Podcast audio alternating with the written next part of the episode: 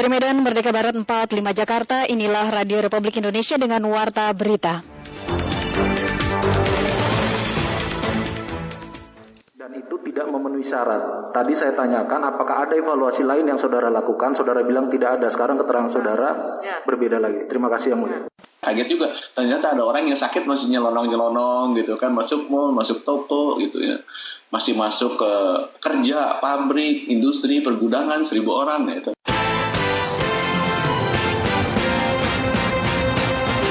Sari berita, sidang RJ Lino, jaksa KPK nilai sanksi tidak konsisten memberikan kesaksian.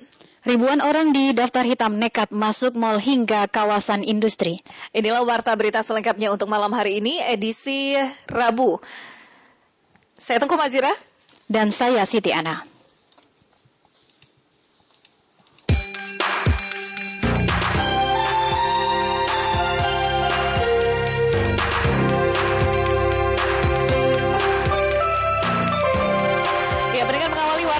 Untuk malam hari ini kami hadirkan sekilas berita utama. Polisi menetapkan 22 orang sebagai tersangka terkait kericuhan di distrik Dekai Yaku Yahukimo, Papua yang menewaskan enam orang. Polisi memastikan situasi keamanan berangsur normal. Pendakian Gunung Arjuno Welirang di Jawa Timur kembali ditutup hingga waktu yang belum ditentukan. Seperti dilansir dari kantor berita antara, Kepala Taman Hutan Raya Ahmad Wahyudi menjelaskan penutupan karena Pasuruan menerapkan PPKM level 3 sehingga kegiatan wisata tidak diizinkan. Lifter putra dari Provinsi Lampung, Halim Setiawan, meraih medali emas Pekan Olahraga Nasional PON 20 Papua dari kelas 61 kg cabang angkat besi. Medali perak diraih oleh lifter asal Sumatera Barat Pardani, kemudian medali perunggu oleh pelifter Jawa Timur.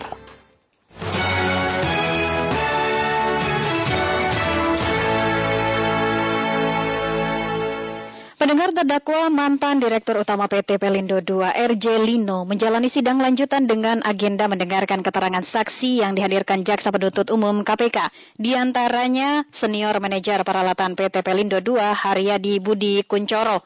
Seperti diliput oleh reporter Isnen Suhanda, dalam jalannya sidang, Jaksa KPK sempat protes karena saksi tidak konsisten dalam memberikan keterangan. Begitu ya? Ya. Tegas. Ya. Tegas. Terdakwa kasus dugaan tindak pidana korupsi dalam pengadaan tiga unit Kuai Container Crane di PT Pelindo II Richard Joslino menjalani sidang lanjutan di Pengadilan Tipikor Jakarta dengan agenda mendengarkan keterangan saksi yang dihadirkan Jaksa Penuntut Umum KPK antara lain senior manajer peralatan pada Direktur Teknik Pelindo II Haryadi Budi Kuncoro. Dalam kesaksiannya, Haryadi sempat memberi keterangan yang berbeda-beda sehingga Jaksa KPK KPK Wawan Yunarwanto protes atas kesaksian Haryadi ini. Yang mulia, saya tanya sekarang, eh, kami mengajukan keberatan atau mungkin konfirmasi ke ahli tadi eh, ke saksi sudah menerangkan evolusi teknis dilakukan hanya sekali atas pemilihan langsung, tetapi sekarang berbeda lagi keterangannya yang mulia.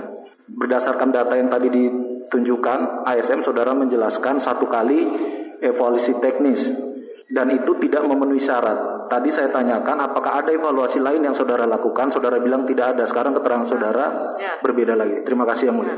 Interupsi dari jaksa KPK diakomodir oleh Ketua Majelis Hakim Rosmina SHMH yang menangani perkara RJ Lino. Sebutkan ada.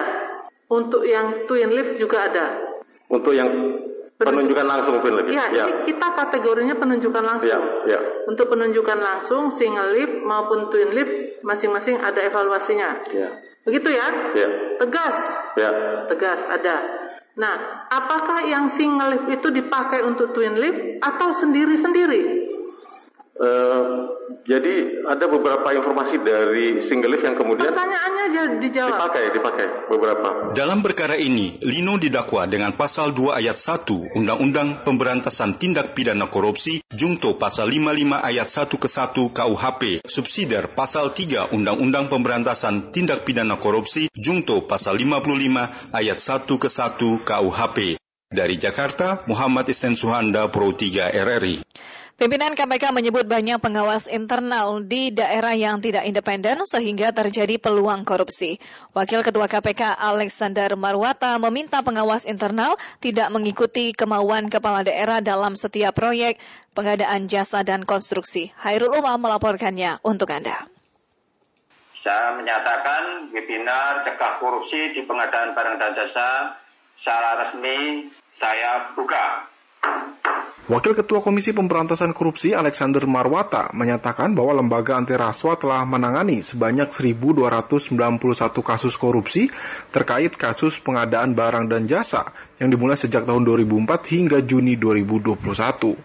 Hal ini dikatakan Alex dalam webinar berjudul Mencegah Korupsi di Pengadaan Jasa Konstruksi. Alex mengatakan bahwa modus terbanyak terkait penyuapan barang dan jasa.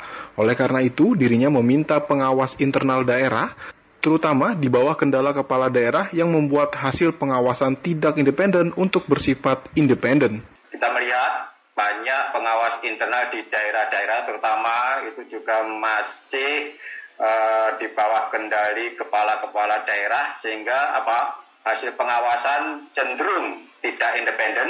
Lebih lanjut, Menteri Pekerjaan Umum dan Perumahan Rakyat Basuki Hadi Mulyono menyatakan komitmennya untuk setiap internal di kementeriannya untuk dapat mengendalikan pencegahan korupsi, khususnya di bidang konstruksi dan jasa.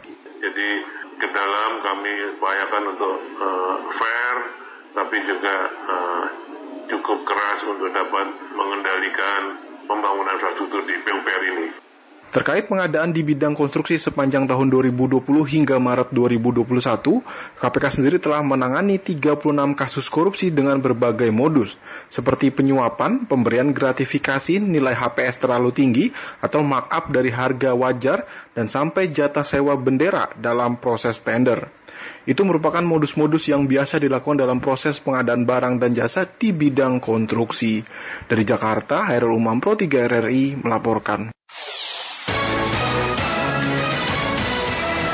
Anda masih mendengarkan program 3 Radio Republik Indonesia. Pendengar Menteri Kesehatan Republik Indonesia Budi Gunadi Sadikin mengungkap terdapat 9.855 orang yang masuk daftar hitam nekat masuk ke pusat perbelanjaan atau mal hingga kawasan industri. Seperti diliput Rini Hairani, pemerintah akan memperbaiki sistem screening di ruang publik.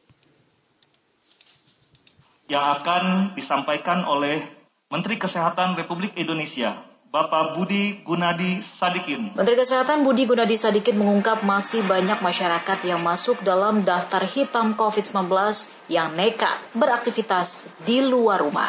Daftar hitam merupakan istilah yang digunakan bagi mereka yang dinyatakan positif COVID-19 maupun memiliki kontak erat dengan pasien COVID-19. Menkes Budi dalam seminar sekolah Sespim Tipori di Krek ke-30 dan Sespim Menpori Direct ke-60 secara virtual Rabu 6 Oktober 2021 mengatakan berdasarkan pelacakan yang dilakukan aplikasi Peduli Lindungi terdapat 9.855 orang yang masuk daftar hitam nekat masuk ke pusat perbelanjaan maupun mal hingga kawasan industri. Temuan tersebut menurut Menkes akan menjadi catatan pemerintah untuk memperbaiki sistem screening di ruang publik, terutama di enam aktivitas yaitu perdagangan, pariwisata, transportasi, pendidikan, perkantoran, hingga keagamaan. Kaget juga, ternyata ada orang yang sakit masih nyelonong-nyelonong gitu kan, masuk mall, masuk toko gitu ya masih masuk ke kerja, pabrik, industri, pergudangan seribu orang itu. Itu yang nanti dengan demikian kita bisa lebih perbaiki. Sementara itu, Ketua Umum Asosiasi Persatuan Pusat Belanja Indonesia Alfonsus Wijaya memastikan kalangan pengusaha pusat perbelanjaan atau mall telah melakukan penolakan terhadap ribuan orang positif COVID-19. Pusat perbelanjaan pun lanjut Alfonsus selalu memperlakukan dan menerapkan protokol kesehatan secara ketat. Bahkan protokol tambahan, yaitu protokol wajib vaksinasi yang penerapan pemeriksaannya dilakukan melalui aplikasi Peduli Lindungi.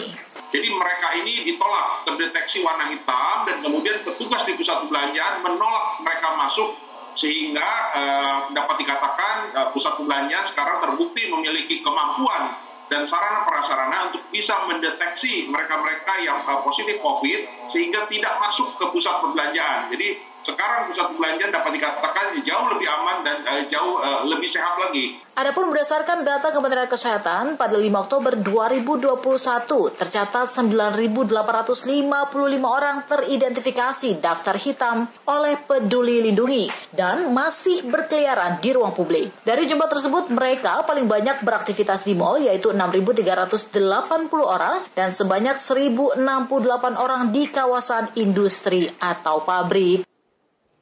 Beralih ke informasi lainnya, pendengar Gubernur Lembaga Ketahanan Nasional atau Lemhanas Republik Indonesia, Letjen TNI Purnawirawan Agus Wijoyo, mengatakan Indonesia harus banyak belajar dari negara maju, termasuk Korea Selatan. Melalui budaya dan hiburan, Korea mampu mempengaruhi dunia. Alfred Suter melaporkannya.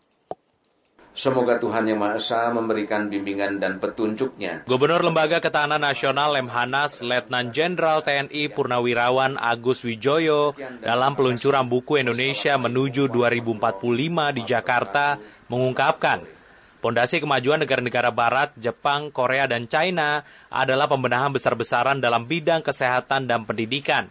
Mereka memastikan generasi muda mendapat asupan gizi yang baik sejak berbentuk janin mendapat perawatan kesehatan yang bagus dan memperoleh pendidikan yang bermutu, termasuk di masa pandemi COVID-19 saat ini. Secara paralel, kata Agus, pembangunan infrastruktur dan teknologi juga perlu dilakukan besar-besaran, termasuk memperkuat penelitian dan pengembangan untuk inovasi teknologi. Mereka kini ikut mempengaruhi dunia lewat budaya berupa musik, tari, film, dan makanan.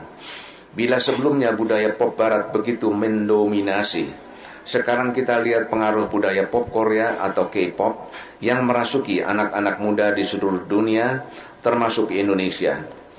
Bersamaan dengan serbuan musik, tari, dan film Korea, tumbuh subur pula aneka restoran yang menyajikan kuliner negeri ginseng itu. Secara sukarela, anak-anak muda juga belajar bahasa Korea demi bisa menikmati K-pop secara utuh. Atas dasar perkembangan itulah kami memprakarsai penulisan buku Indonesia menuju 2045. Dalam tempo 24 tahun menuju 100 tahun usia Republik, kita mesti belajar bagaimana negara-negara itu berhasil membangun sumber daya manusia yang unggul. Generasi muda mereka memiliki fisik yang bagus dan kapasitas otak yang besar. Karakternya kuat dengan ciri-ciri, punya rasa ingin tahu yang besar, percaya diri, tidak minder, tetapi juga tidak arogan.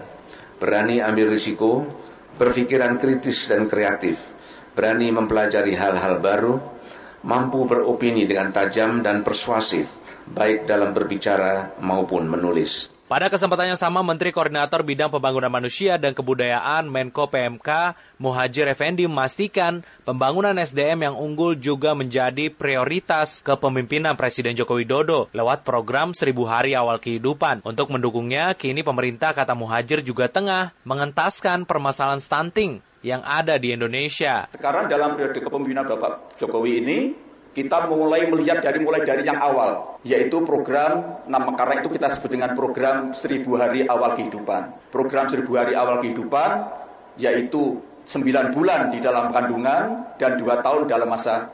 Lebih lanjut Presiden kata Muhajir menekankan pentingnya pendidikan usia dini atau PAUD untuk menyongsong Indonesia emas di 2045 mendatang.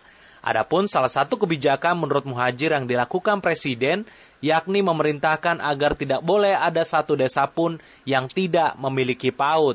Dari Jakarta, Alfred Stuter Pro 3 RRI. Pendengar warga desa Beringin Ngawi terpaksa harus menempuh jarak 1 km untuk mendapatkan air bersih. Air sulit didapatkan karena kemarau panjang dan kekeringan. Imam Malik menyampaikan informasi ini selengkapnya.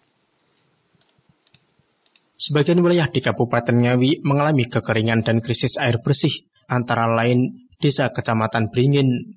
Warga Dukubuan Sunaryo mengaku terpaksa mengambil dari sumber air yang jaraknya cukup jauh dari tempat tinggal karena sumber air di sekitar rumah tidak lagi mengeluarkan air. Sunaryo mengambil air dari sumber yang berjarak sekitar 1 km untuk kebutuhan memasak, mencuci, serta untuk hewan ternak. Ya, kan di rumah kesulitan air yang ada jadi cuma sini ya ini bawa bikin dua ini untuk masak di rumah ya, buat minum hewan di rumah. Ya. Ketua RT 02 RW 02 Dukuh Desa Kecamatan Bringin Kabupaten Ngawi Pariono menyampaikan di musim kemarau di daerahnya sering dilanda kekeringan dan krisis air bersih. Meski banyak sumur warga atau sumber mata air di musim kemarau hanya ada satu yang tetap mengeluarkan air. Sumur banyak tapi yang keluar air kan hanya satu. Ya, tapi belum dikirim tandanya nggak ada. Kami kirim biji paling antar kendala paling bukan dua Menurut Pariono, ada sekitar 100 kepala keluarga kakak di Dugobuan, Desa Kecamatan Bringin, Kabupaten Ngawi. Rata-rata tiap kakak membutuhkan sekitar 4 jerigen setara 25 liter tiap jerigen. Pariono menilai distribusi bantuan air bersih belum sampai sebab kendala akses jalan yang rusak dan jauh. Imam Malik, RRI Madiun. Timnas Indonesia akan menghadapi Taiwan dalam playoff kualifikasi Piala Asia 2023. Berbagai persiapan dimatangkan. Lalu bagaimana peluang Indonesia atas Taiwan? Berikut kami hadirkan laporan selengkapnya dalam sesi laporan khusus bersama Safira Amalia. Laporan khusus. Laporan khusus. Laporan khusus.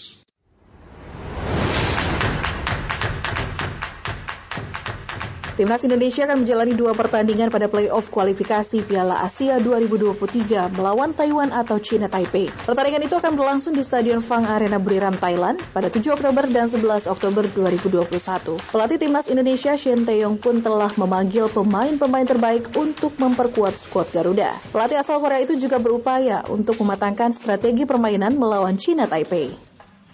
Oh, jadi kita mempersiapkan pertandingan tanggal 7 lawan Taiwan, kita fokus ke formasi dan bagaimana pergerakan dalam formasi yang kita buat. Secara keseluruhan sangat baik, selain pemain hari ini yang datang. Memang ini pertandingan antara negara harus mendapatkan kemenangan pertama kali. Kedua, kita harus menunjukkan bahwa pemain-pemain sudah berubah dan sangat kerja keras kepada fans dan masyarakat.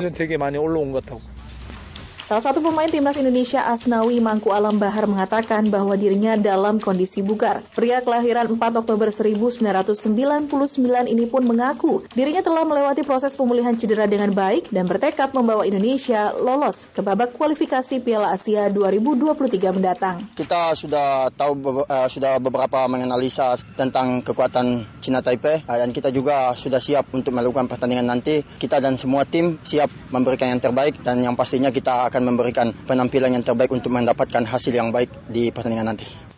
Sementara itu pengamat sepak bola nasional Kesit B. Handoyo saat dihubungi Pro 3 RRI mengatakan Indonesia memiliki peluang untuk memenangkan leg melawan China Taipei pada kualifikasi Piala Asia 2023. Kira peluangnya seperti apa? Uh, ya, uh, jadi kalau bicara peluang Indonesia sama China Taipei ya, uh-huh. sebenarnya sih kalau dari sejarah kita tuh lebih banyak menangnya daripada uh, kalahnya ya. Uh-huh. Paling nggak dari uh, 12 kali pertemuan, 8 kali kita mencatat kemenangan. Sisanya mereka yang menang. Artinya. Dari dari sisi statistik kita selalu unggul dibandingkan dengan China Taipei. Uh, tapi kalau misalnya dari segi peringkat FIFA, ini kan uh, Taipei uh, lebih mhm. tinggi gitu Pak daripada. Nggak jaminan. Oh nggak jaminan. Nggak jaminan. Nggak hmm. jaminan. Yang biasanya yang bisa dilihat itu adalah bagaimana kondisi uh, atau persiapan tim sejauh ini gitu menjelang pertandingan mereka dan bagaimana kemudian kiprah tim nasional mereka dalam beberapa laga uh, internasional belakangan hmm. ini. Ya kalau dari formasi dari komposisi pemain kan sebenarnya apa yang dibawa oleh uh, ST STY atau Sintayong sebagai pelatih hmm. adalah uh, pemain-pemain yang yang saat ini memang berada dalam kondisi yang baik gitu. Artinya pemain-pemain terbaik yang kita miliki yang saat ini ada seperti uh, Evan Dimas, kemudian hmm. juga siapa namanya Asnawi, Asnawi hmm. yang di Ansan Gliners Korea, kemudian hmm. juga ada Kirido, ada dari Persebaya. Ya saya pikir pemain-pemain terbaik yang pada saat ini dimiliki oleh Indonesia sudah digoyong semua. Ya, termasuk juga Iko Nevo main naturalisasi dari Persib hmm. ya di lini pertahanan. Peluang Indonesia ini masih cukup besar untuk mengalahkan mengalahkan Cina Taipei ya Pak? Iya, iya, iya. Ya. Saya pikir ini kesempatan ya. Hmm. Karena menghadapi uh, Cina Taipei yang sebenarnya secara statistik kita lebih banyak unggulnya. Karena kalau enggak ya berarti kita akan gagal nih. Karena perjalanan untuk bisa menembus persaingan di grup kualifikasi Piala Asia kan masih sangat panjang buat Indonesia karena harus melewati uh, babak playoff dulu sebelum nanti masuk ke babak uh, persaingan grup uh, kualifikasi ya. Seperti diketahui dalam peringkat dunia FIFA, posisi Taiwan atau Cina Taipei memang berada di atas Indonesia. Cina Taipei berada di posisi 151 dengan raihan 1046 poin, sedangkan Indonesia menempati peringkat ke-175 dengan 975 poin. Meski dari segi peringkat Indonesia tidak diunggulkan, namun skuad Garuda dinilai memiliki kans cukup besar untuk memenangkan pertandingan. Pasalnya, Taiwan juga tengah terjerat kasus indisipliner. Para pemain Taiwan kedapatan mabuk-mabukan jelang pertandingan melawan Indonesia. Kasus itu pun mengakibatkan beberapa pemain Taiwan diberi hukuman oleh pihak Asosiasi Sepak Bola Taiwan, CFTA. Dari Jakarta, Safira Malia, Pro 3 RRI. Sementara itu masyarakat optimistis Indonesia menang atas Taiwan pada pertandingan kualifikasi Piala Asia 2023 besok.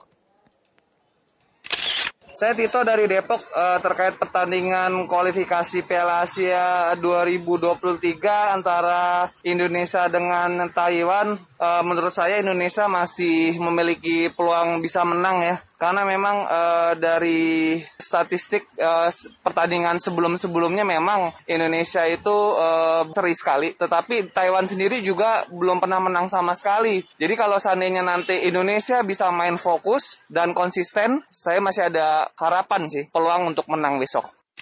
Ya, saya Faki uh, dari Jakarta Barat. Saya yakin pemain Indonesia cukup bermain bagus karena ada beberapa pemain yang telah dipanggil seperti Egi Maulana dan Ryu Yutomo. Uh, skor untuk Indonesia Taiwan 2-1.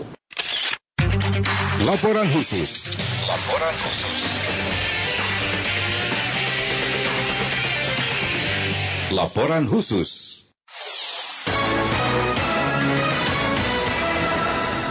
Pendengar berikut kami hadirkan informasi terkini dari Pekan Olahraga Nasional PON ke-20 Papua. Info terkini Pekan Olahraga Nasional PON ke-20 Papua.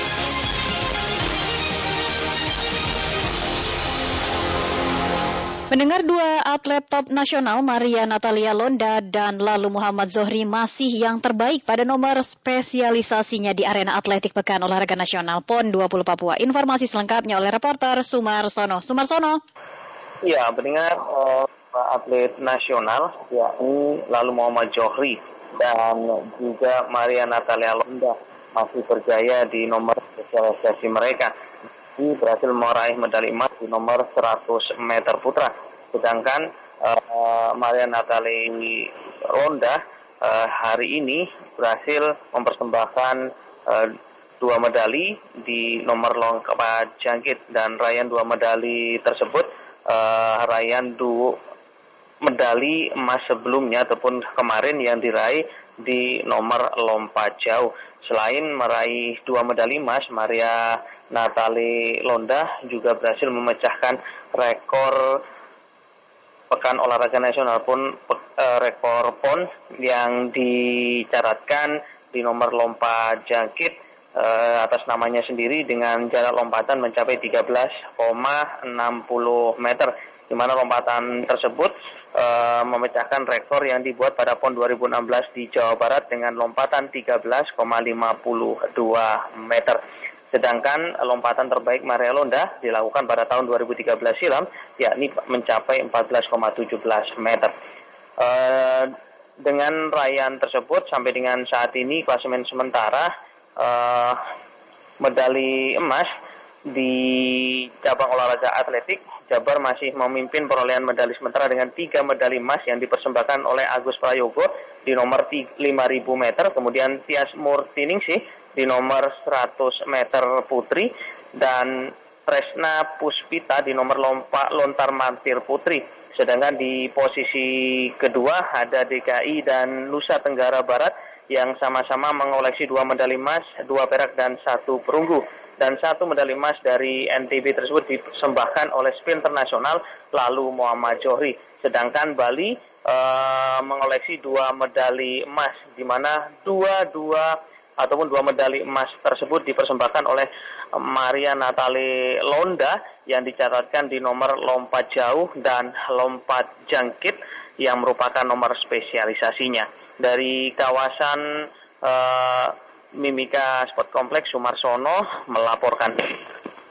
Sementara itu dari cabang olahraga lainnya melalui kemenangan tipis pebiliar tuan rumah Papua Silviana Lu Sukses menjabat medali emas nomor bola 10 tunggal putri Pekan Olahraga Nasional PON 20 Papua. Niar Abdul Litiloli melaporkannya untuk Anda. Niar? Baik, terima kasih Mazira dan pendengar saat ini saya masih berada di Gor Biliar kawasan Wangaraja, Mimika, Kabupaten Mimika, Papua di mana uh, tadi baru saja berlangsung salah satu nomor partai final untuk nomor uh, atau uh, nomor bola 10 tunggal bola 10 uh, tunggal putri atau tenball female single di mana tadi mempertemukan wakil tuan rumah Papua Silviana Lu melawan uh, wakil dari Jawa Barat uh, Anita Kanjaya di mana tadi secara dramatis menang tipis uh, tuan rumah wakil uh, tuan rumah Papua Silviana Lu yang menang tipis 7-6 di mana tadi uh, pertandingannya berlangsung cukup dramatis dan mengundang atensi yang cukup uh, banyak dari para penonton dan juga supporter di mana tadi setelah sempat unggul jauh uh, Anita uh, Silviana memimpin pertandingan atas Anita dengan skor lima empat. Kemudian di uh, pertengahan atau di uh, jelang pertengahan atau uh, separuh dari pertandingan Anita mampu menyalip Silviana di angka uh, pada poin 54 berubah menjadi posisi 65 di mana momen-momen uh, tersebut menjadi momen yang cukup kritis namun akhirnya Silviana dengan fokus yang cukup tinggi dan konsentrasi yang baik akhirnya mampu menang tipis 76 atas Anita. Dan uh, menurut uh, Silviana atau uh, yang akan disapa Aini ini menyebut bahwa uh, yang menjadi uh, kunci dari kemenangannya mampu bisa atau bisa meraih uh, kemenangan atas uh, lawannya Anita adalah karena fokus tinggi yang uh, dia yang diperoleh atau yang dilakukan selama menjalani uh, pertandingan tadi.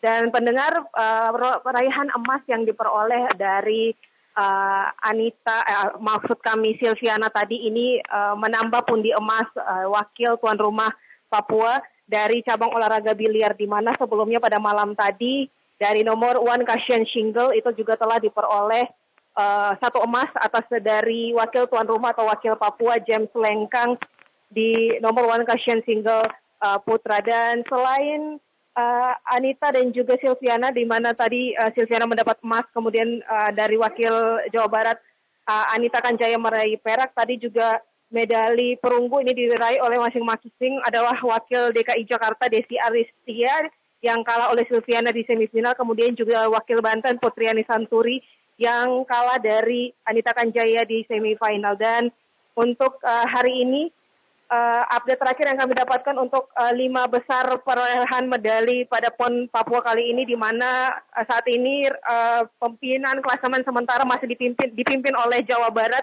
yang saat ini telah meraih 50 medali emas, uh, 44 perak dan juga 55 perunggu. Sementara di posisi kedua diikuti daerah istimewa daerah ibu kota juga daerah ibu kota Jakarta di mana meraih 47 emas, 40 perak dan juga 47 perunggu dan di posisi ketiga ada tuan rumah Papua dengan 45 emas, 22 perak dan 40 perunggu.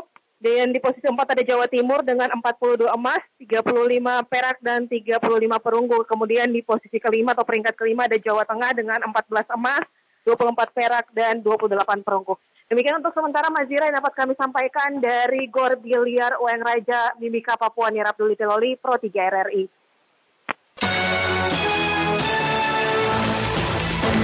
Selepas ini kami akan lanjutkan kembali program Indonesia Menyapa Petang. Tetaplah bersama kami, saya Siti Ana. Dan saya Tengku Mazira.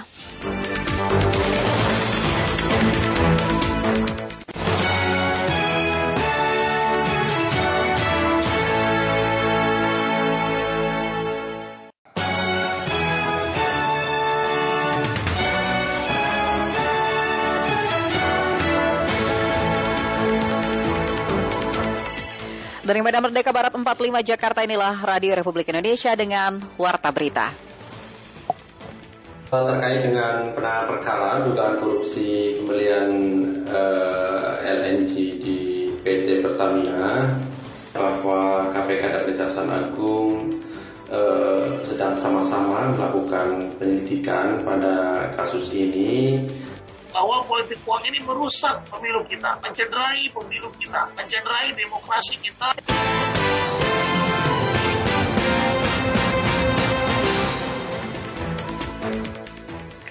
Sari Berita, KPK tangani kasus dugaan korupsi pembelian LNG PT Pertamina. Politik uang pada pemilu merusak demokrasi. Inilah warta berita selengkapnya Rabu 6 Oktober 2021 bersama saya Puspita Ayu.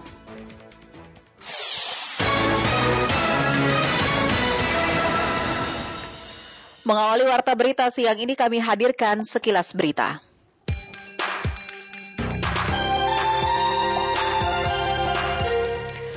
Polisi masih menyelidiki penemuan lebih dari 600 butir amunisi yang rencananya akan dipasok ke kelompok kriminal bersenjata atau KKB di Timika, Papua.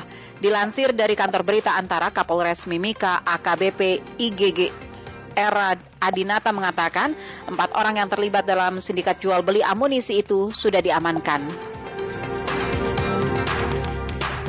Perdana Menteri Australia Scott Morrison belum membuka negaranya untuk wisatawan asing hingga akhir tahun ini. Seperti diberitakan AP News, Australia akan membuka untuk turis asing apabila 80 persen dari populasi penduduk berusia 15 tahun ke atas sudah mendapatkan vaksinasi kedua. Kontingen Jawa Timur merebut medali emas pada cabang olahraga selam kolam pada nomor 50 meter surface putra dan putri pada Pekan Olahraga Nasional atau PON 20 Papua melalui Wahyu Anggoro Tamtomo dan Angelin Sugianto.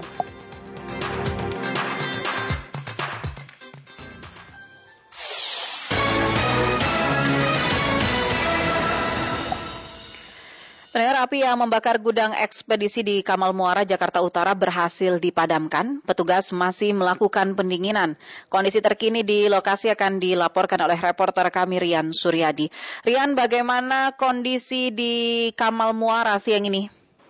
Ya, baik Bu Pita dan pendengar Pro 3 RRI bahwa memang saat ini saya sedang berada di kawasan Kamal Muara, jaringan Jakarta Utara. Diketahui memang kebakaran telah melanda sebuah gudang pagi tadi di kawasan penjaringan. Dan sebanyak 18 pemadam kebakaran pun telah dikerahkan. Dan kebakaran ini memang berada di Jalan Kapuk Kayu Besar RT 1 RW 2 Kamal Muara Penjaringan Jakarta Utara.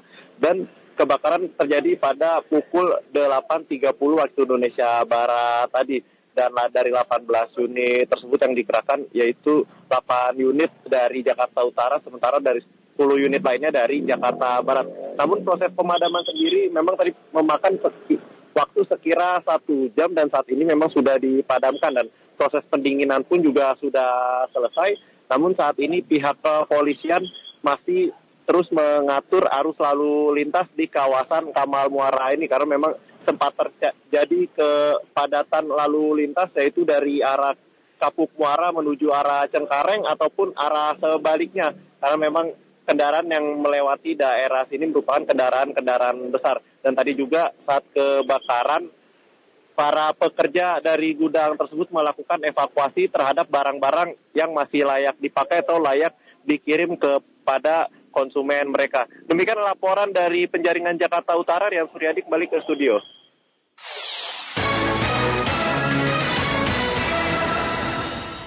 Kita beralih ke informasi lain, Komisi Pemberantasan Korupsi KPK menyelidiki kasus dugaan korupsi pembelian gas alam cair atau LNG PT Pertamina. Penanganan kasus atas koordinasi dengan Kejaksaan Agung Republik Indonesia. Berikut Khairul Umam melaporkan. Terkait dengan penanganan perkara dugaan korupsi pembelian eh, LNG di PT Pertamina, Kejaksaan Agung Republik Indonesia diketahui menyerahkan penyelidikan dalam kasus dugaan korupsi pembelian LNG di PT Pertamina Persero kepada Komisi Pemberantasan Korupsi. Di mana PLT Jubir KPK Ali Fikri mengatakan bahwa KPK dan Kejaksaan Agung RI sedang melakukan penyelidikan bersama dalam kasus ini. Namun, Ali mengatakan bahwa KPK yang diberikan mandat penuh untuk menyelesaikan kasus dugaan korupsi pembelian LNG di PT Pertamina.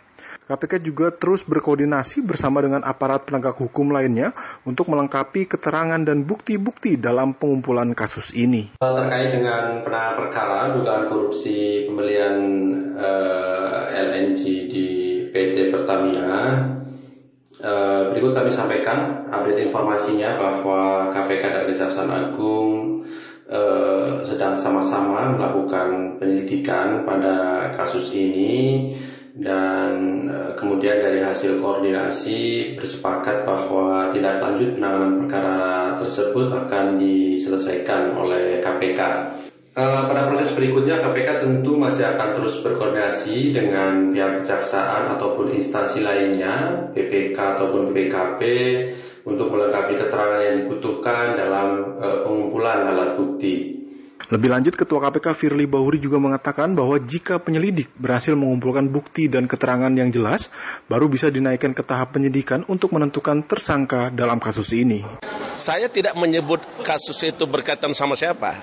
Tapi yang pasti adalah kita lihat dulu apa yang dimaksud dengan penyelidikan. Penyelidikan adalah serangkaian tindakan dilakukan oleh penyelidik dan merangka menemukan suatu peristiwa dan menentukan apakah peristiwa ini merupakan suatu peristiwa yang bisa dinaikkan penyidikan atau tidak. Itu konsepnya. Diketahui memang Kejaksaan Agung Republik Indonesia mempersilahkan dan tidak keberatan jika Komisi Pemberantasan Korupsi menyidik kasus dugaan korupsi terkait pengelolaan LNG portofolio di PT Pertamina. Pernyataan ini disampaikan agar tidak terjadi tumpang tindih penanganan perkara lantaran berdasarkan koordinasi yang dilakukan, Kejagung dan KPK sedang menangi kasus yang sama. Tim penyelidik Direktorat Penyidikan pada Jaksa Agung Muda Tindak Pidana Khusus telah menyelidiki kasus tersebut sejak 22 Maret 2021. Bahkan Kejaksaan Agung telah memproses penyelidikan dan telah rampung dan akan ditingkatkan ke tahap penyidikan. Dari Jakarta, Hairul Umam Pro 3 RRI melaporkan.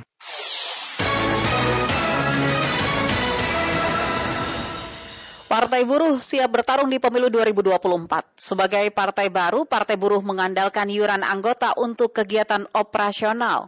Lalu bagaimana peluang Partai Buruh bersaing dengan partai lama pada pemilu?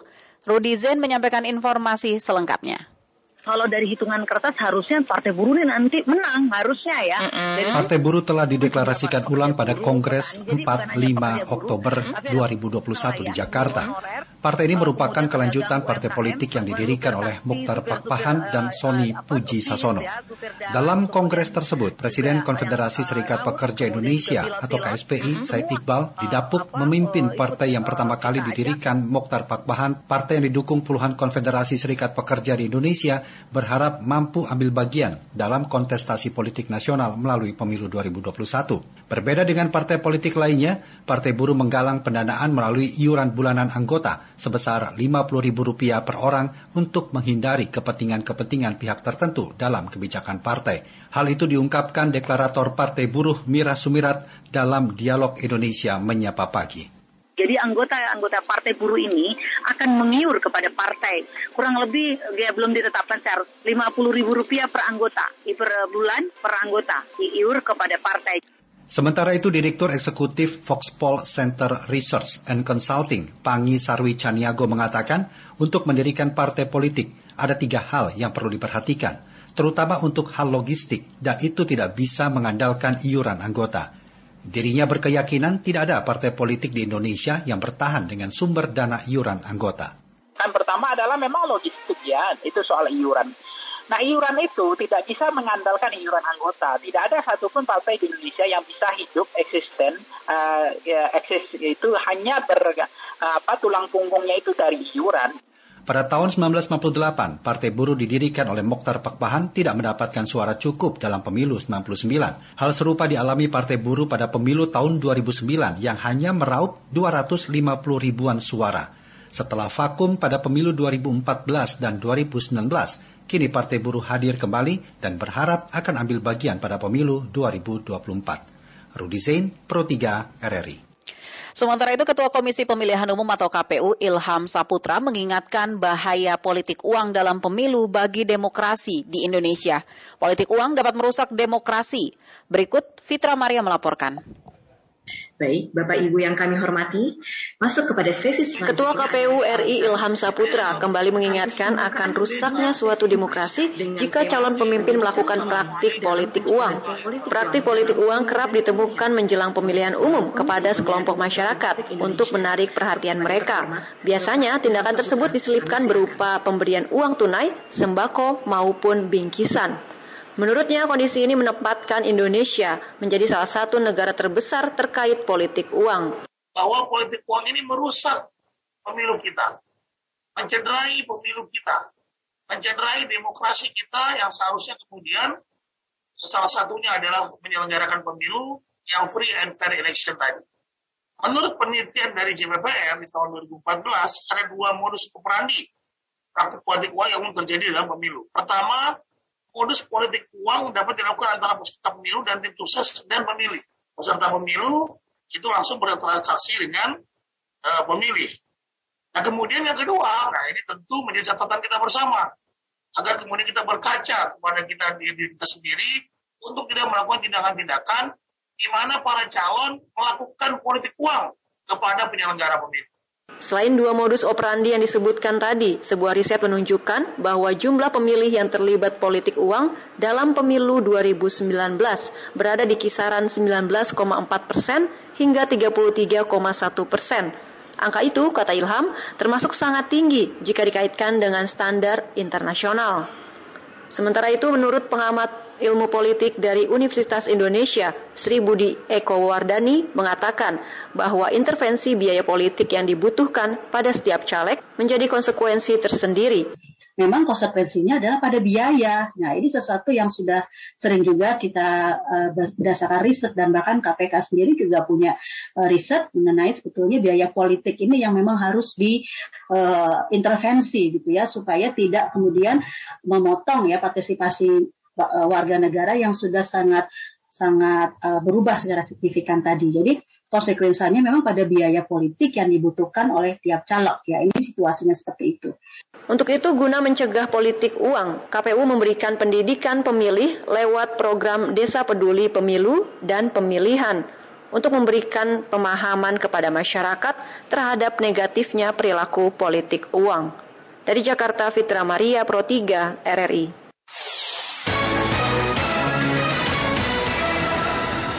Anda masih mendengarkan program 3 Radio Republik Indonesia. Pemerintah tengah menyusun kebijakan menghadapi libur panjang akhir tahun untuk mengantisipasi terjadinya lonjakan kasus COVID-19. Seperti apa antisipasinya? Berikut Rini Hairani melaporkan dan apa saja yang dilakukan Satgas dalam pemantauan varian dari asing. Pemerintah tengah menyusun kebijakan terkait mobilitas masyarakat saat libur Natal 2021 dan Tahun Baru 2022. Hal tersebut untuk mengantisipasi lonjakan kasus COVID-19. Juru bicara Satuan Tugas atau Satgas Penanganan COVID-19 Wiku Adhisa Smito dalam keterangan pers secara virtual. Seperti dikutip kanal YouTube Sekretariat Presiden mengatakan, meski saat ini pintu masuk internasional melalui Bandara Udara Ngurah Rai telah dibuka, namun setiap warga negara asing dan warga negara Indonesia dari negara yang telah ditentukan wajib menaati sejumlah aturan. Wiku juga mengingatkan masyarakat untuk tetap disiplin protokol kesehatan jelang Libur periode Natal 2021 dan Tahun Baru 2022, pasalnya menurut Wiku penerapan prokes yang kendur dapat berujung pada gelombang ketiga COVID-19 di Indonesia terkait kebijakan mobilitas termasuk kegiatan wisata di periode libur Natal dan Tahun Baru, pemerintah sedang menyusun kebijakan antisipasi libur panjang yang tentunya tidak akan terlepas dari prinsip kehati-hatian. Pembukaan pintu masuk internasional tersebut pun akan tetap memperhatikan pemenuhan syarat perjalanan dan mekanisme screening setelah masuk di Indonesia. Khusus terkait pemantauan varian asing, Balit Bangkes yang didukung 17 laboratorium yang mampu mendukung upaya whole genome sequencing akan terus mengoptimalkan sumber daya dan pemantauan distribusi varian di berbagai daerah. Nantinya hasil pemantauan akan disampaikan secara transparan kepada masyarakat. Sementara itu Kepala Lembaga Biologi Molekuler Eijkman, Amin Subandrio mengatakan, lonjakan kasus dapat terjadi akibat mobilitas masyarakat yang tidak terkendali. Oleh karena itulah Amin meminta masyarakat untuk mengurangi mobilitas serta tidak lengah protokol kesehatan terlebih saat libur Natal 2021 dan Tahun Baru 2022. Pemerintah lanjut Amin juga harus mempercepat target vaksinasi pada akhir tahun 2021 atau awal tahun 2022 guna mencapai kekebalan komunitas. Uh, herd immunity atau kekebalan komunal, kekebalan kelompok itu harus dipercepat. Kami sangat mendukung upaya pemerintah untuk segera menyelesaikan vaksinasi pada akhir tahun ini atau setidaknya awal tahun depan ya sehingga uh, betul-betul kekebalan komunitas itu bisa dicapai sehingga kita mempersempit ruang gerak si virus ya. Dengan demikian uh, rantai penularan bisa kita putuskan. Sebelumnya virolog yang juga guru besar Universitas Udayana Igusti Ngurah Kade Mahardika memprediksi gelombang ketiga kasus COVID-19 di Indonesia akan terjadi pada tahun 2022. Prediksi pada tahun 2022 tersebut adalah sekitar bulan Januari dan Februari. Hal itu berdasarkan pengamatan dari pola kasus positif COVID-19 yang melonjak pada periode tertentu, contohnya di bulan Desember 2020 lalu. Beralih ke informasi lainnya, pemerintah Provinsi DKI Jakarta meminta warga untuk menghemat air karena akan ada larangan penggunaan air tanah yang mengakibatkan penurunan muka tanah di ibu kota. Berikut kami hadirkan informasi ini bersama dengan Alfred Tutar. Bahwa ya Jakarta ini kan memang di bawah permukaan. Wakil Gubernur Jakarta Ahmad Riza Patria di Balai Kota meminta agar semua pihak termasuk apartemen dan gedung-gedung perkantoran di ibu kota menghemat penggunaan air, menyusul rencana larangan penggunaan air tanah karena penurunan muka tanah di Jakarta. Ia mengakui masih banyak warga yang menggunakan air tanah, sementara saat ini cakupan pipanisasi Pamjaya kata dia baru menjangkau 62 persen masyarakat. Untuk itu Pemprov kata dia bekerja sama dengan PUPR membangun tiga proyek sistem penyediaan air minum SPAM yang disiapkan yaitu Karian Serpong, Jatiluhur 1, serta Juanda. Dan memang PAM kita ini kan hanya bisa mencapai 62 persen ya. Jadi sisanya masyarakat masih mengambil dari pompa melalui jet dan sebagainya.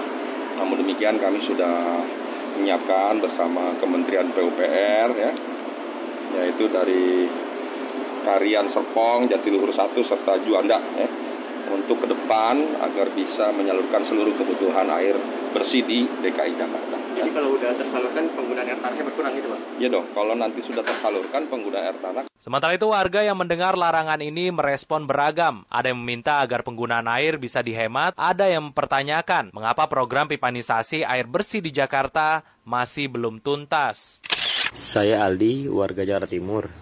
Ya kalau bisa mohon penggunaan air tanah bisa diirit-irit agar permukaan tanah Jakarta juga nggak semakin turun dan selalu sehat daerahku. Saya Bodia, warga Jakarta. Kenapa yang disalahkan warga ya? Warga kan bergantung sama Pemprov. Soal kebutuhan air bersih, saya pikir harusnya Pemprov evaluasi kenapa angka penyediaan air bersih masih 60 persen. Sebelumnya, pemerintah akan melarang penggunaan air tanah di DKI Jakarta dan sekitarnya. Hal tersebut demi menjaga agar penurunan tanah di Jakarta tak terjadi kembali. Dari Jakarta, Alfred Stuter Pro 3 RRI.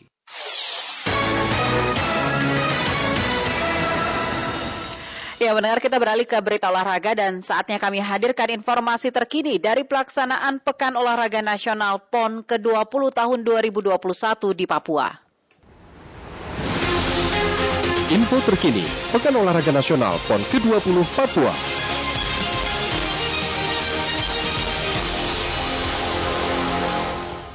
Dari arena menembak Pekan Olahraga Nasional PON 20 Papua di Kabupaten Jayapura, informasi terkininya akan disampaikan oleh reporter Ferry Ardiansyah. Ferry, ada informasi apa lagi dari arena menembak di PON 20 siang ini? Ada beberapa atlet yang terpapar COVID-19 membuat Kementerian Pemuda dan Olahraga Kemenpora untuk turun langsung memantau venue-venue cabang olahraga yang ada di empat klaster pendapatan Pekan Olahraga Nasional PON 20 Papua.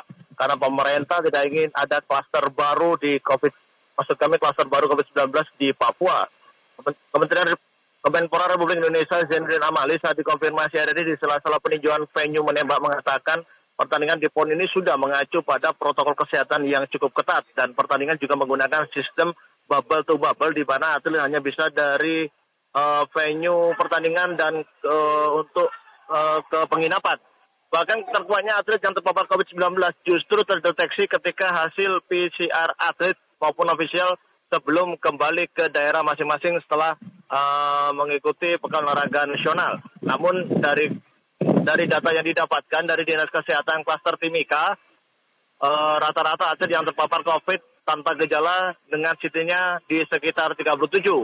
Bahkan Amali juga mengaku bahwa hal ini memang sangat sulit terdeteksi meskipun setiap atlet maupun pelatih dan ofisial sebelum pertandingan juga dilakukan uh, swab antigen. Berdasarkan informasi yang didapatkan oleh Kemenpora, jika ada atlet yang terpapar COVID-19 memang diakui tan tanpa gejala, maka tingkat kesembuhannya juga cukup cepat. Bahkan pihak Kemenpora akan berkoordinasi dengan PB PON dan Dinas Kesehatan untuk men-tracing atlet yang berkumpul dengan atlet yang terpapar. Untuk itu ada sebuah kewajiban bersama untuk mempersempit penularan COVID-19 di ajang PON Papua ini.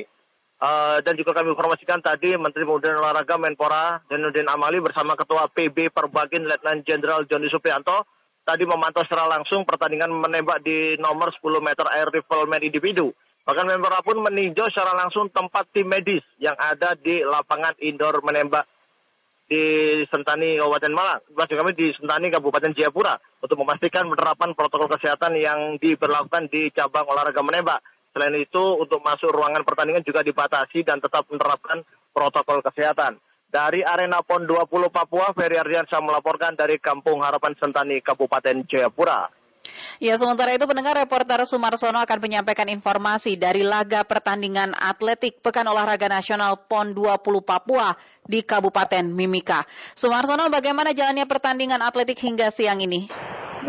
Iya, mendengar saat ini saya berada di Stadion Atletik Mimika Sport Center di mana pada hari ini sedang dilombakan pertandingan dasar lomba di mana pada hari ini ada lompat tinggi yang harus dilalui oleh para peserta di mana dalam lompat tinggi ini ada beberapa uh, atlet dasar lomba yang mengikuti di antara adalah Fauma Depril Jumroh dari Sumatera Selatan dan juga Afif Setiawan dari Lampung serta andalan tuan rumah Joseph Ndiken. Dan saat ini uh, mereka sedang melakukan pemanasan dan saat ini uh, giliran Joseph Diken yang um, dengan nomor peserta 260 sedang uh, bersiap-siap melakukan lompatan dan uh, waktu menunjukkan uh, 60 detik. Ya sudah uh, mulai berkurang. Tampaknya uh, sudah bersiap-siap. Yosef Diken ancang-ancang dia. Uh, oke okay, langsung.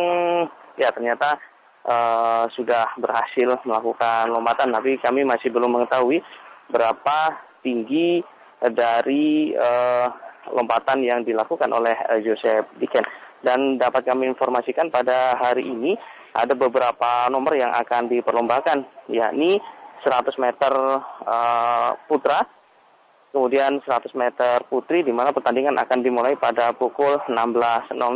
Beberapa nama uh, ataupun sprinter nasional yang berlaga di antaranya Lali Muhammad Zohri yang akan berlaga pada 100 meter putra, serta Tias Minarsi yang tadi pagi berhasil memecahkan rekor PON yang sudah ada sejak 21 tahun lalu. Sekian dulu laporan langsung dari kawasan Stadion Atletik Mimika Sport Center, Sumarsono melaporkan. Iya, saudara untuk mengetahui informasi terkini perolehan medali Pekan Olahraga Nasional atau PON hingga pukul 13.00 waktu Indonesia Barat akan disampaikan langsung Ririn Ayunda dari Press Center PON 20 Papua di gedung kantor Gubernur Papua, Kota Jayapura. Ririn, silakan. Terima kasih Bu Sivita. Saudara pendengar, saat ini saya tengah berada di Media Center, tepatnya di Sasana Krida Kantor Gubernur Papua, Kota Jayapura. Dari 32 cabang olahraga yang dipertandingkan uh, di hari ini, 6 Oktober 2021, beberapa cabang olahraga telah menyelesaikan pertandingan, baik di partai final maupun penyisian. Di antaranya ada cabang olahraga atletik, kemudian renang perairan terbuka, uh, di 3000 meter putra dan putri, kemudian selam kolam serta cabang olahraga uh, atletik yang masih uh, melangsungkan uh, pertandingan. Dan dari cabang olahraga atletik, uh, sprinter nasional asal Jawa Barat juga tadi memecahkan rekor nasional saat bertanding di babak penyisihan 100 meter dengan catatan waktu 11.67 detik yang sebelumnya dibukukan oleh atlet Maluku yang berhasil dibukukan saat tahun 2000 di e, Jawa Timur lalu. Dan menurut informasi yang kami dapatkan dari pihak panitia media center yang ada di sini sore nanti sekitar pukul 16 waktu Indonesia Timur, eh, Menteri Pemuda dan Olahraga Bapak Zainuddin Amali akan meninjau media center ini sekaligus menggelar konferensi pers bersama para awak media yang ada di sini. Uh, dan dapat kami informasikan juga untuk klasemen sementara perolehan medali PON 20 Papua hingga pukul 15 waktu Indonesia Timur yang kami kutip dari situs PON 20 Papua di posisi teratas masih memimpin Jawa Barat dengan perolehan medali sementara 44 medali emas, 34 perunggu dan 47 maksud kami 37 perak dan 47 perunggu. Kemudian DKI Jakarta ada di posisi kedua dengan 42 medali emas, 35 perak dan 40 perunggu. Ketiga ada tuan rumah Papua dengan 34 medali emas, 19 perak dan 38 perunggu. Jawa Timur di posisi keempat dengan 36 medali emas, 31 perak dan 29 perunggu. Kemudian Jawa Tengah dengan 13 emas, 23 perak dan 25 perunggu di urutan kelima. Dari Media Center PON 20 Papua, Ririn Aina melaporkan kembali ke studio Pro 3 Jakarta. Info terkini, Pekan Olahraga Nasional PON ke-20 Papua.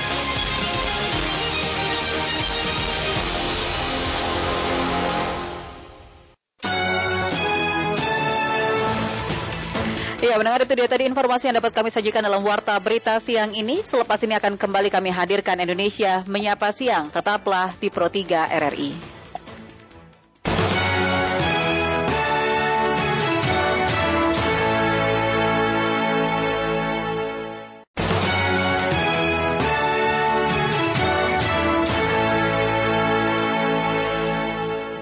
Bicara Satgas Penanganan COVID-19 Wiku Adhisa Smito mengatakan pembukaan pintu masuk internasional di Bali khususnya untuk turis asing tetap harus memperhatikan syarat perjalanan dan screening. Jika tidak memenuhi syarat, maka mereka dapat dikembalikan ke negara asalnya. Safira Amalia melaporkan selengkapnya. Apabila tidak memenuhi persyaratan, akan diminta untuk pulang ke negara asalnya. Indonesia akan membuka penerbangan internasional bagi wisatawan mancanegara pada Bandara Igusti Ngurah Rai Bali pada 14 Oktober 2021 mendatang. Pintu internasional ini akan dibuka untuk perjalanan dari Korea Selatan, Cina, Jepang, Abu Dhabi, dan Selandia Baru. Datangnya para wisatawan mancanegara ini tentu harus diikuti dengan protokol ketat sebab resiko masuknya varian-varian baru COVID-19 bisa saja mengintai dari luar negeri. Menanggapi hal ini, Koordinator Tim Pakar dan Juru Bicara Satgas Penanganan COVID-19 Wiku Adhisa Smito menyatakan mengatakan bahwa saat ini pemerintah tengah mempersiapkan sejumlah aturan terkait kebijakan penanganan pandemi pada akhir tahun. Terkait kebijakan mobilitas termasuk kegiatan wisata di periode libur Natal dan Tahun Baru, pemerintah sedang menyusun kebijakan antisipasi libur panjang yang tentunya tidak akan terlepas dari prinsip kehati-hatian. Pembukaan pintu masuk internasional tersebut pun akan tetap memperhatikan pemenuhan syarat perjalanan dan mekanisme screening setelah masuk di Indonesia. Lebih lanjut, Wiku menegaskan pemerintah akan tetap memastikan bahwa para pelaku perjalanan internasional tersebut benar-benar menerapkan protokol kesehatan yang ketat. Apabila terdapat sejumlah syarat yang tidak dipenuhi, maka akan ditolak masuk ke Indonesia dan diminta kembali ke negara asal. Apabila tidak memenuhi persyaratan, akan diminta untuk pulang ke negara asalnya. Satuan tugas yang berada di Bandar Ngurah Rai harus mempersiapkan diri sebaik-baiknya sebelum bandara kembali dibuka. Sebelumnya, Menteri Pariwisata dan Ekonomi Kreatif Legislatif Sandiaga Uno mengatakan, uji coba pembukaan penerbangan internasional harus dilakukan dengan penuh kehati-hatian. Ada sejumlah ketentuan dan persyaratan mencakup mengenai karantina, tes, dan kesiapan Satgas COVID-19 meliputi bukti pemesanan hotel untuk karantina minimal 8 hari dengan biaya ditanggung sendiri.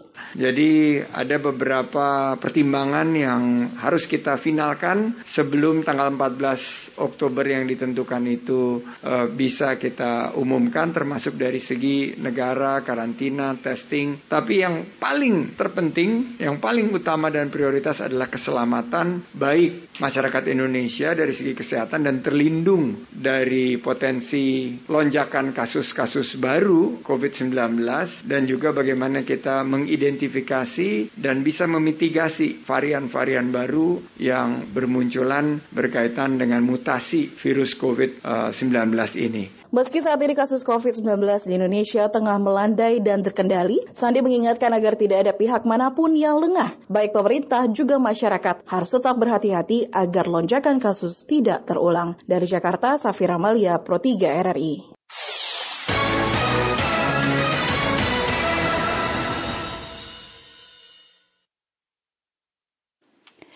Terima kasih Anda masih menyimak Warta Berita Produksi Pusat Pemberitaan Program 3 Radio Republik Indonesia. Merasa aspirasinya tidak pernah terwakili di parlemen, sejumlah serikat buruh membentuk partai politik. Namun pengamat menilai jumlah masa buruh yang besar belum tentu membuat partai buruh lolos dalam pemilu nanti. Informasi ini kami hadirkan dalam sesi laporan khusus Pro 3 bersama Agus Wijananto.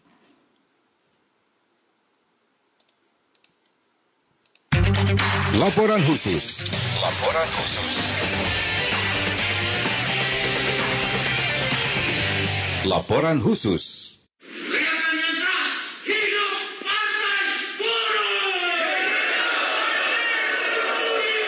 Sejumlah elemen serikat buruh selasa siang mendeklarasikan partai politik yang diberi nama Partai Buruh Presiden Konfederasi Serikat Pekerja Indonesia, Said Iqbal, terpilih menjadi Ketua Umum Partai Buruh periode 2021-2026.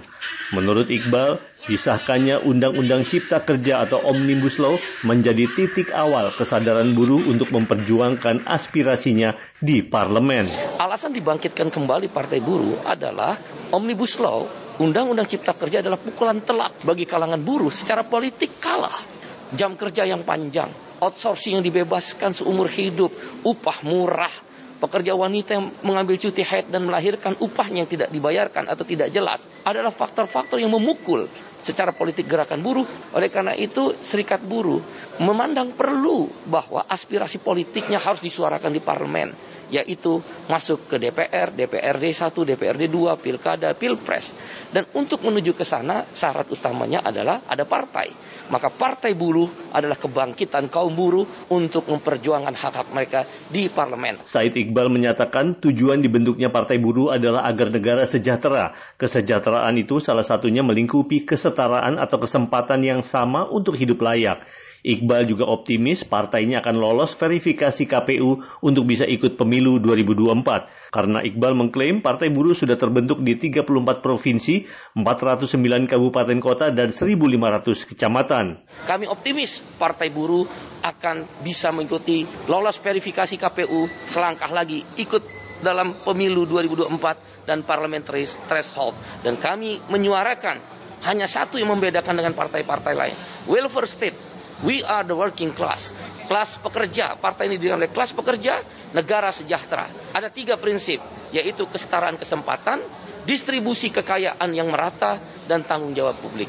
Itulah partai buruh. Namun pengamat politik yang juga Direktur Eksekutif Indobarometer, Muhammad Kodari mengaku tidak terlalu optimis partai buruh bisa diterima publik. Saya kalau disurvei pada hari ini cukup yakin untuk mengatakan bahwa Pak Said Iqbal itu surveinya akan papan bawah gitu loh.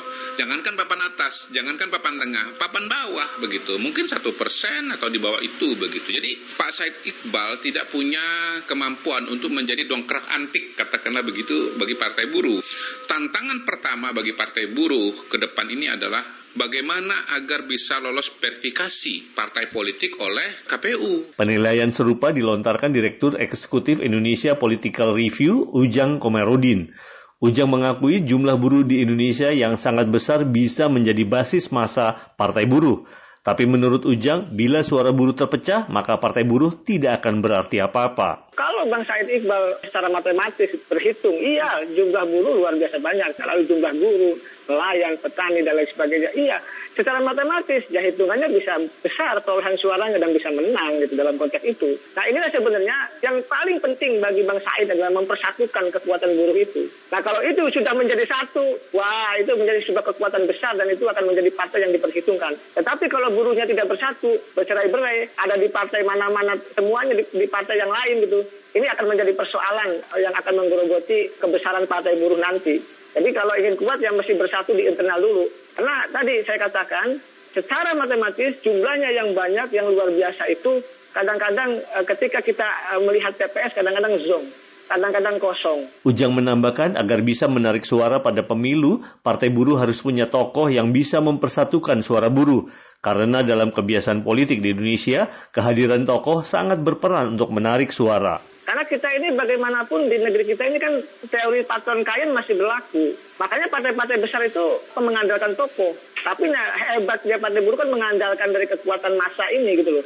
Ya ini menjadi uh, hal yang unik bagi partai buruh. Tapi persoalannya uh, perlu memang ada tokoh-tokoh yang sentral ya selain Bang Said Iqbal yang bisa apa namanya menggerakkan kekuatan buruh itu menjadi sebuah aksi nyata pemenangan pemilu itu yang menjadi, yang yang harus diperhatikan. Seperti partai-partai politik yang lain, Partai Buruh juga menyodorkan sejumlah janji dan program untuk mensejahterakan rakyat. Dan pemilu 2024 nanti akan menunjukkan apakah Partai Buruh bisa eksis dan berhasil meloloskan kadernya ke DPR untuk memperjuangkan aspirasi para buruh atau justru malah hilang ditelan kekalahan. Dari Jakarta, Agus Wijananto RRI Pro 3.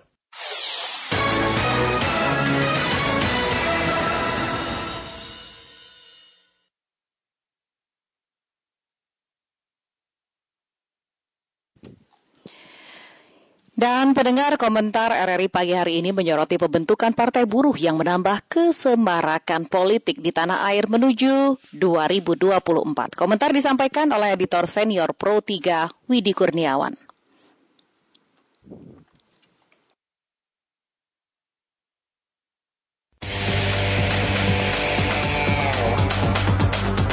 Editorial Pro 3 Selamat pagi pendengar. Agaknya kita perlu membedakan antara partai buruh yang ada di Indonesia dengan partai buruh internasional yang biasanya bergabung dalam sosialisme internasional. Perbedaan mencolok adalah soal ideologinya. Partai-partai buruh yang berafiliasi dengan sosialisme internasional lazim memiliki ideologi kiri atau kiri tengah. Pada daftar anggota afiliasi pun tidak tercatat nama Partai Buruh di Indonesia pada organisasi sosialisme internasional. Partai Buruh di Indonesia yang didirikan tahun 2003 dan sempat dipimpin oleh Sony Puji Sasono memang punya angan-angan memperjuangkan kepentingan buruh. Kini mimpi dan angan itu akan diaktifkan kembali oleh tokoh KSPI Said Iqbal. Namun, angan-angan untuk memperjuangkan kepentingan buruh masih dalam perjuangan yang panjang dan tampaknya belum begitu menarik bagi buruh itu sendiri. Partai Buruh di Indonesia pernah ikut pemilu dengan nama Partai Buruh Sosial Demokrat. Nama itu merupakan perubahan dari Partai Buruh sebelumnya, Partai Buruh Nasional. Namun, PBSD gagal memperoleh kursi dalam pemilu nasional karena hanya mendapatkan 636 ribu suara atau sekitar 0,56 persen. Bandingkan dengan jumlah buruh di tanah air, Berdasarkan informasi dari kata data, jumlah pekerja formal ada 52,92 juta orang pada Februari 2021, sedangkan pekerja informal menurut catatan Badan Pusat Statistik adalah 77,68 juta orang. Secara logika, biasanya pekerja atau buruh memilih partai seideologi dengan mereka, tapi rupanya tidak di Indonesia para pemilih di Indonesia unik dan menarik untuk diteliti sebab sama halnya dengan jumlah penduduk yang beragama di Indonesia sangat besar. Namun faktanya para pemilih tersebut tidak memilih partai berideologi agama. Masyarakat pemilih di Indonesia mayoritas adalah nasionalis dan rasional. Ini tentu pekerjaan rumah Said Iqbal dan kawan-kawan untuk mengaktifkan kembali Partai Buruh di Indonesia bila ingin berkaca di tingkat nasional. Demikian komentar, selamat pagi.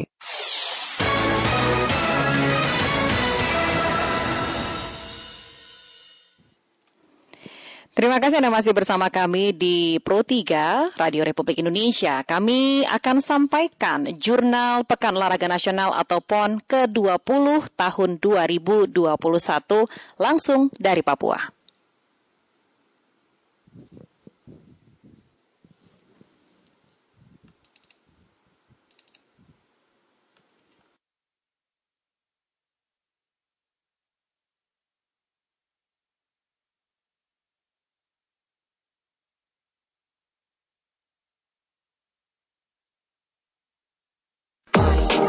Demikian Jurnal PON ke-20 Papua.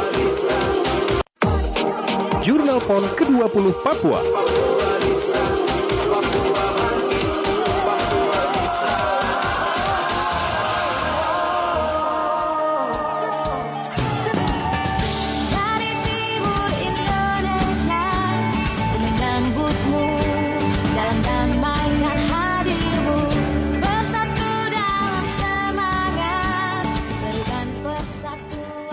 Menyelesaikan hari keempat kemarin, persaingan antara kontingen daerah, khususnya di papan atas, semakin memanas. Di tengah dominasi DKI Jakarta, Jawa Barat dan tuan rumah Papua saling kejar dalam perolehan medali. Hingga semalam, atlet-atlet Jawa Barat mampu menjadi kontributor perolehan medali emas dari beberapa cabang olahraga andalan seperti taekwondo dan menembak.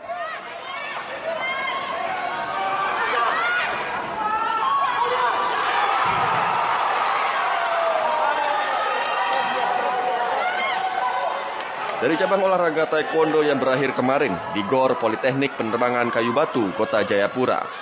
Dominasi taekwondoin Jawa Barat berlanjut, bahkan menutup dengan gelar juara umum. Dari 20 nomor pertandingan, tim taekwondo Jawa Barat membawa pulang 7 medali emas, 3 perak, dan 3 perunggu ke Tanah Pasundan.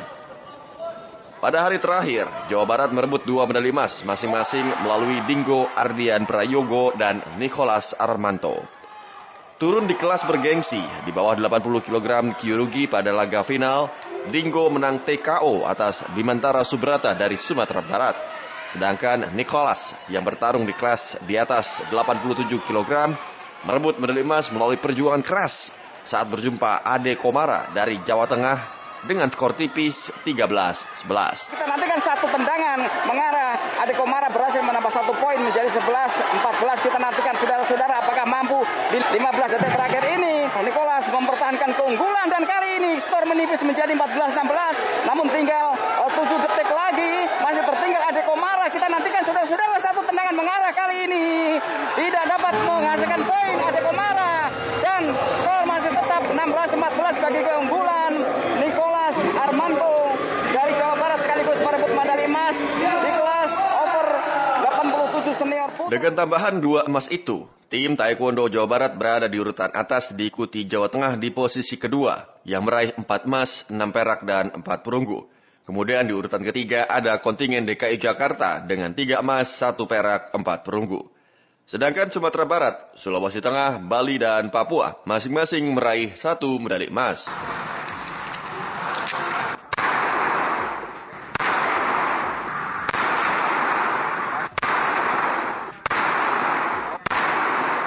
Tambahan medali emas Jawa Barat kemarin juga disumbangkan dari cabang olahraga menembak dengan merebut dua keping emas nomor 10 meter air rifle putri di lapangan tembak indoor Kampung Halaman Sentani, Kabupaten Jayapura.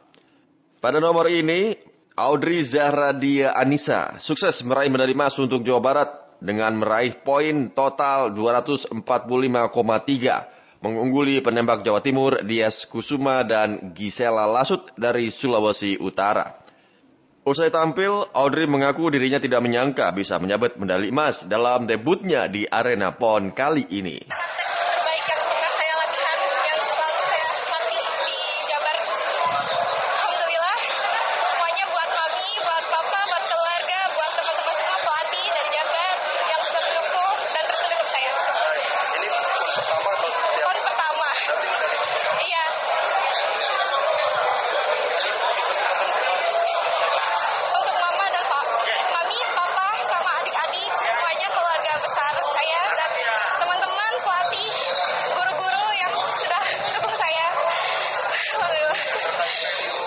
Tempat yang sama, Audrey Zahra juga meraih medali emas di nomor beregu 10 meter air rifle woman team berduet dengan Citra Dewi Resti.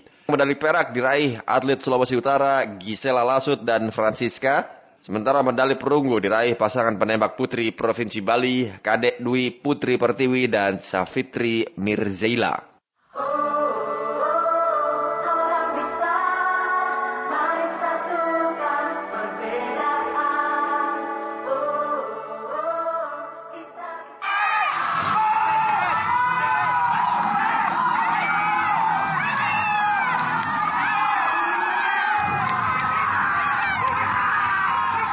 Manis Emilia Nova mempersembahkan medali emas di nomor 100 meter lari gawang bagi DKI Jakarta di Arena Atletik Pekan Olahraga Nasional 20 Papua. Pada babak final, Emilia berhasil finish dengan catatan waktu 13,74 detik, mengalahkan rekan satu kontingennya Ken Ayutaya dengan catatan waktu 13,99 detik. Sedangkan medali perunggu berhasil direbut Rohani dari Nusa Tenggara Barat usai finish dengan waktu 14,45 detik.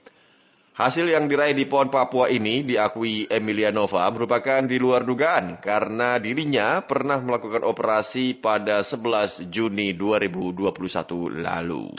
Ya alhamdulillah dengan dengan latihan aku yang uh, nggak maksimal bisa mempersembahkan medali emas untuk DKI. Alhamdulillah sih aku bersyukur banget. Terus juga mungkin karena doa orang tua aku, doa pengurus-pengurus, doa teman-teman terdekat aku, pelatih aku semuanya ya alhamdulillah. Semoga nanti ke depannya uh, target aku sih tahun depan ada Asian Games. Semoga aku sehat terus. Jadi biar bisa maksimal latihannya untuk Asian Games. Di nomor lari 110 meter gawang putra sprinter Sumatera Selatan Rio Maholtra menjadi yang terbaik. Pada lomba di Mimika Sports Complex Rio finish pertama dengan torehan waktu 14,11 detik Pria yang bertugas sebagai anggota Pas Pampres ini juga sekaligus memecahkan rekor yang dicetak Edi Zakaria asal Jawa Timur yang menorehkan waktu 14,16 detik pada PON tahun 2004. Diakui Rio, penampilannya di PON kali ini akan sulit untuk dilupakan dan memberikan kesan tersendiri dalam sejarah pertandingannya di arena ajang multi-event nasional. Menurut saya ini uh, merupakan pertandingan atau perlombaan yang paling menegangkan. Serius, ini yang paling menegangkan yang, yang pernah saya ikuti pertandingan ini. Karena ini tanggung jawabnya adalah kepada kepada provinsi ya, terutama karena sudah memberikan apa namanya motivasi, uh, dukungan baik itu moral dan moral. Ya, sekian. Alhamdulillah uh, Tuhan memberikan memberikan kelancaran uh, buat saya uh, untuk melintasi atau melewati rintangan yaitu gawang 10 sampai finish. Alhamdulillah. Medali perak nomor 110 meter gawang putra diraih Hirzan Rahmadon dari Riau dengan catatan waktu 14,33 detik. Sedangkan perunggu diraih Ganes Bagus Pandega dari Jawa Timur dengan waktu 14,41 detik. Sedangkan pada nomor lompat jauh putra, atlet nasional asal Nusa Tenggara Barat Sapwa Turahman menjadi yang terbaik usai meraih emas setelah membuat lompatan sejauh 7,58 meter. Hasil yang dicapai Sapua, peraih medali SEA Games 2019 Filipina, mengungguli atlet Sumatera Selatan Syafwan Hafizah dan Suwandi Wijaya dari Bangka Belitung yang mendapat perak serta perunggu.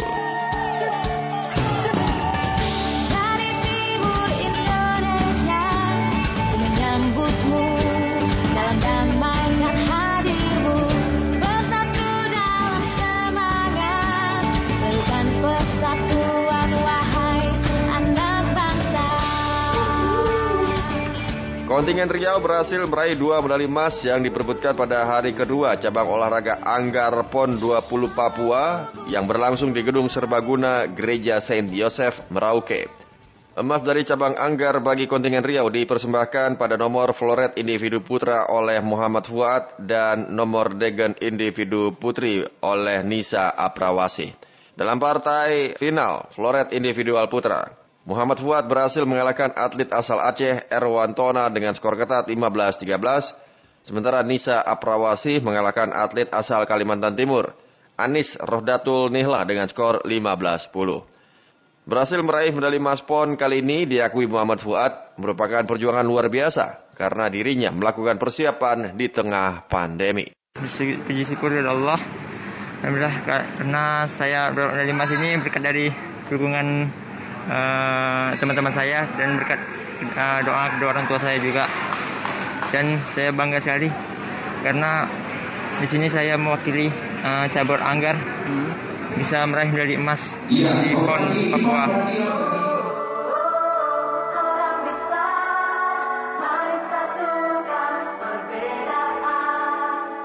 Atlet selam kolam nomor 400 meter surface putri Vania Elvira Ellen Ramadhani berhasil memecahkan rekor nasional sekaligus meraih medali emas untuk Jawa Timur pada nomor 400 meter surface. Pada lomba selam yang berlangsung di Stadion Aquatik Kampung Harapan Kabupaten Jayapura, saat tampil Vania membuat catatan waktu 3 menit 29,07 detik.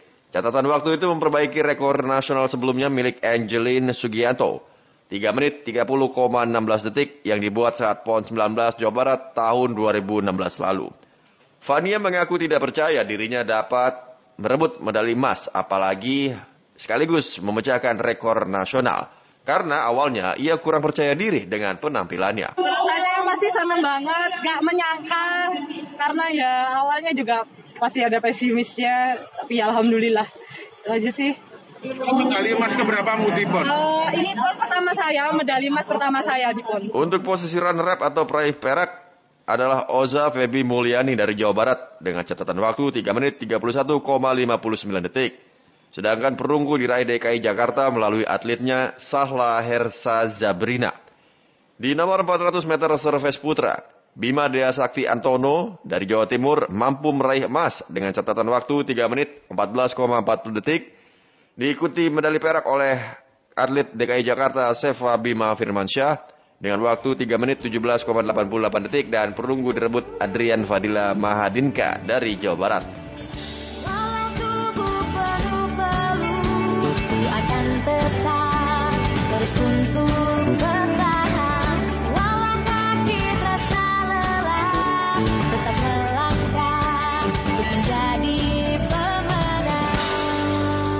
Kontingen Jawa Timur masih memimpin klasemen sementara perolehan medali cabang olahraga panjat tebing dengan koleksi 5 emas, 4 perak, dan 1 perunggu hingga perlombaan kemarin. Sehari sebelumnya, tim panjat tebing Jawa Timur sudah memimpin klasemen dengan koleksi 4 medali emas dan 3 perak. Koleksi medali Jawa Timur bertambah usai perlombaan final nomor boulder perorangan putri, lead perorangan putri, dan lead mix yang berlangsung di arena panjat tebing SP2 Mimika. Di nomor pendakian pendek atau boulder perorangan putri, satu medali emas bagi Jawa Timur dan satu medali perak direbut masing-masing melalui Fitria Hartani dan Karisma Ragil Rakasiwi. Di final, Fitria mampu mengungguli Karisma dan wakil Jawa Barat Salsabila dengan pencapaian satu kali puncak dan tiga zona.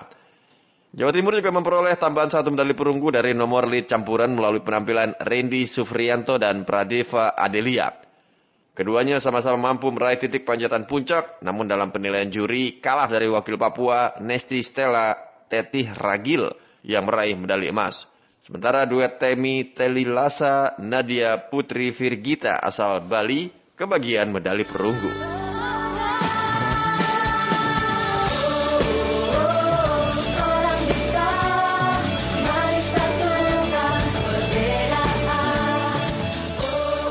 Menyelesaikan hari keempat, kontingen DKI Jakarta masih nyaman di puncak klasmen sementara perolehan medali PON 20 dengan mengumpulkan 42 emas, 30 perak, dan 34 perunggu. Jawa Barat mampu membuat kejutan dengan menambah 5 medali emas dan sukses menggeser posisi tuan rumah Papua yang sebelumnya berada di peringkat kedua.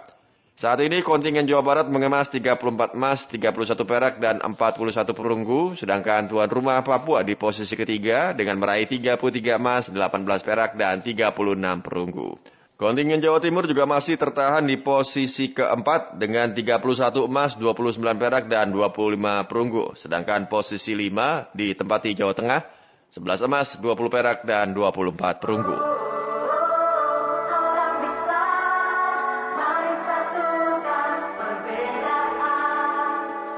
Memasuki hari kelima PON 20, 32 cabang olahraga akan bertanding di kota dan Kabupaten Jayapura, Kabupaten Mimika, serta Kabupaten Merauke.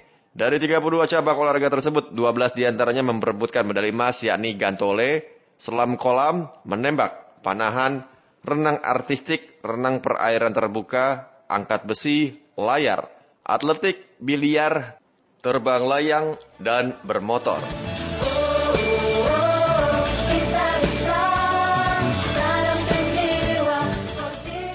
Demikian Jurnal Pekan Olahraga Nasional PON 20 disampaikan tim liputan Radio Republik Indonesia dari Papua.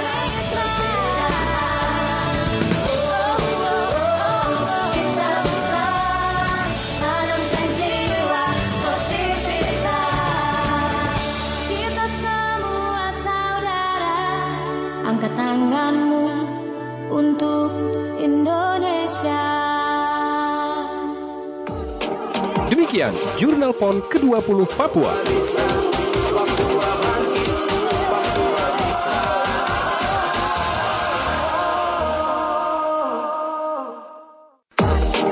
Demikian Jurnal PON ke-20 Papua.